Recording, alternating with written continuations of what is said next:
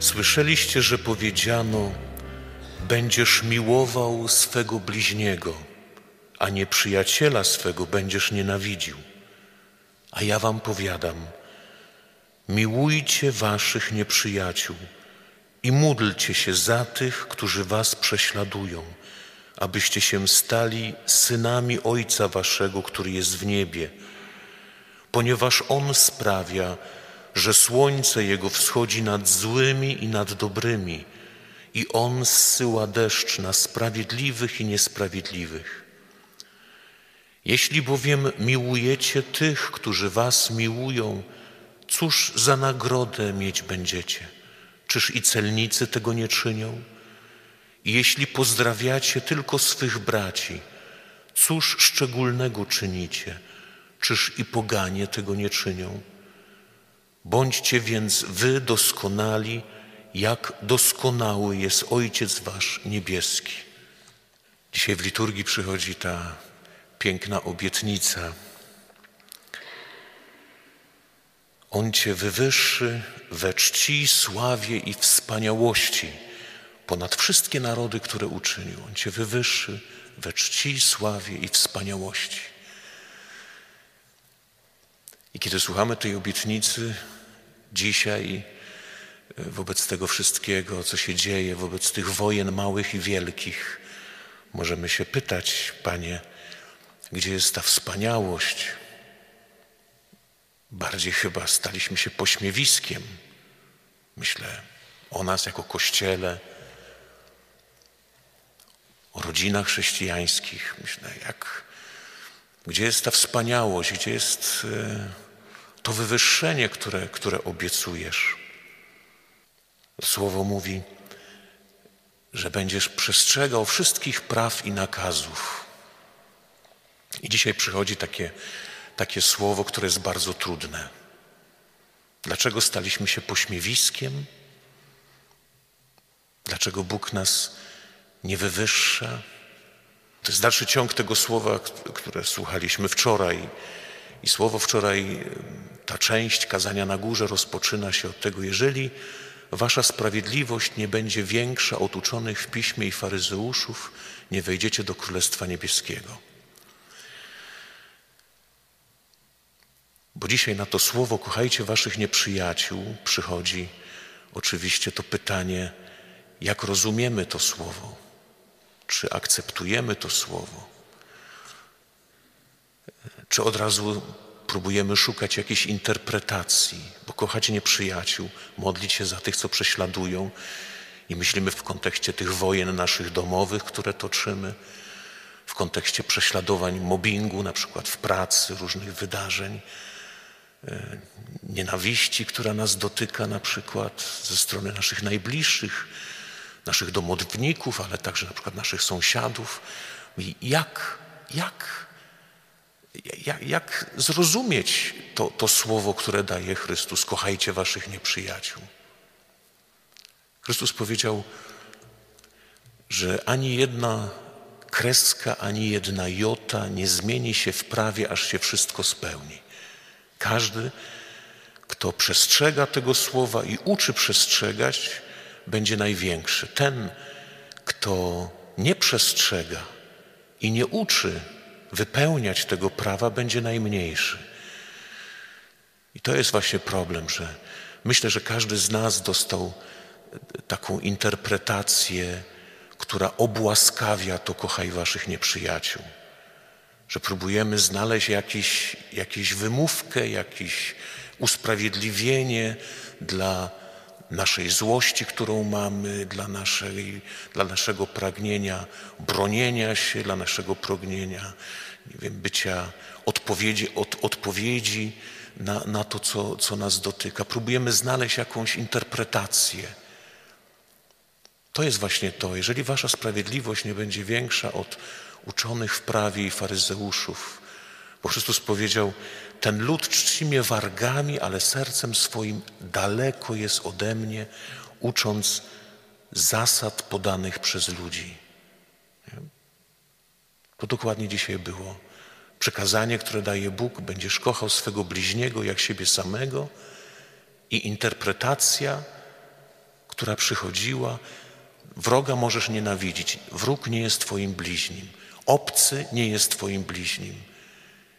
Widzieliśmy to w momencie, kiedy, kiedy była ta cała sprawa z uchodźcami, z przybyszami, z obcymi. Widzimy, jak łatwo nam się usprawiedliwić, jak łatwo szukać wymówki, jak łatwo szukać wyjścia z tej trudnej sytuacji, która gdzieś tam przychodzi do nas i próbujemy, to nie jest mój bliźni.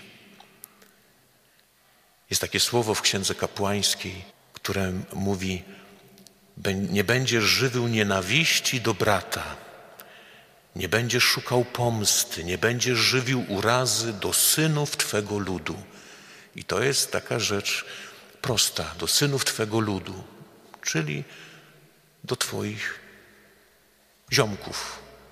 Dla Izraelitów to byli inni Izraelici.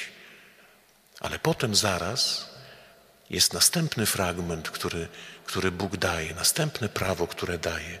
Jeśli w waszym kraju osiedli się przybysz, nie będziesz go uciskać, będziesz go miłował jak siebie samego.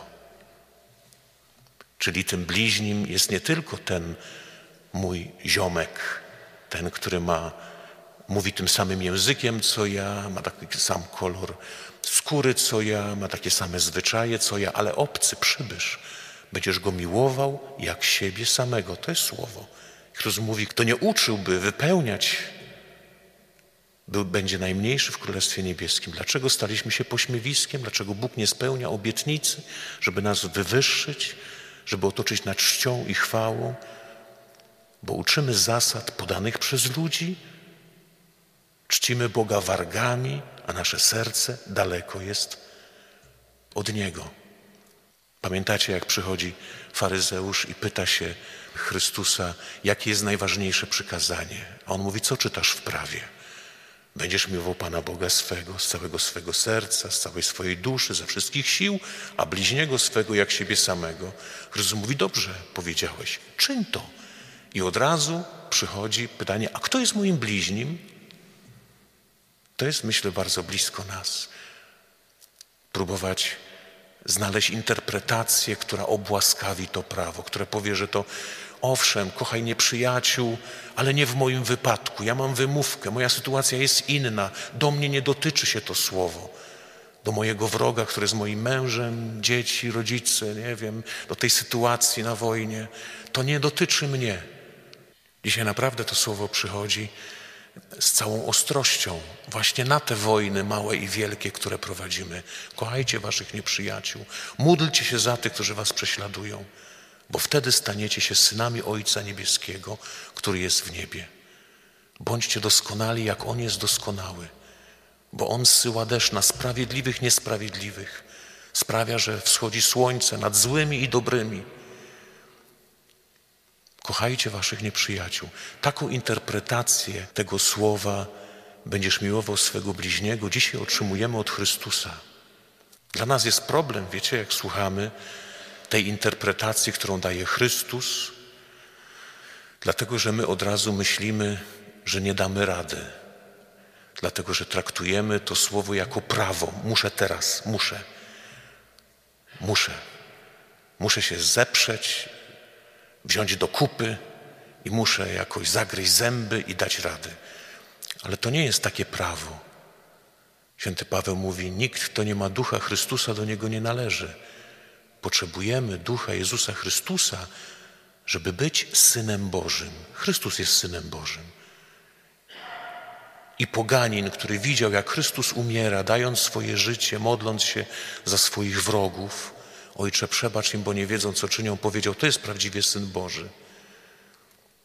Żeby móc być takim Synem Bożym, móc zostać wywyższony, wyrwany ze śmierci, żeby mógł Bóg, interwe- Bóg mógł interweniować w nasze życie i dawać życie o wiele potężniejsze i wywyższyć nas, otoczyć nas czcią i chwałą, uczynać swoją własnością. Potrzebujemy tego Ducha Chrystusa. Dlatego jesteśmy dzisiaj tutaj, dlatego jesteśmy na Eucharystii. Dlatego będziemy przyjmować połamane ciało Chrystusa, żeby Jego duch przyszedł do nas, żeby Jego, Jego ciało w nas zamieszkało, żebyśmy się stali tym ciałem Chrystusa, bo kiedy, go, kiedy to się stanie, będziemy gotowi łamać nasze ciało dla innych, także dla wrogów, dla nieprzyjaciół, walcząc oczywiście. Takie słowo, które przychodzi, bardzo trudne słowo, trudne, bo dzisiaj bardzo modna jest taka herezja pelagianizmu, wiecie? To, co było w Starym Kościele, wraca z powrotem. Pelagianizm mówi, że człowiek potrafi sam sobie dać radę, potrafi sam być dobry. Nie potrafi sam być dobry. Potrafi zagryźć zęby na jakieś słowo, ale kochać nieprzyjaciół nie potrafi. Złamie zęby, skruszy je, ale nie da rady. Ja myślę, że każdy z nas miał to doświadczenie, że o własnych siłach nie dajemy rady. Dlatego wołajmy dzisiaj o Ducha Chrystusa, kiedy będzie Chrystus na naszych dłoniach, kiedy będziemy Go przyjmować.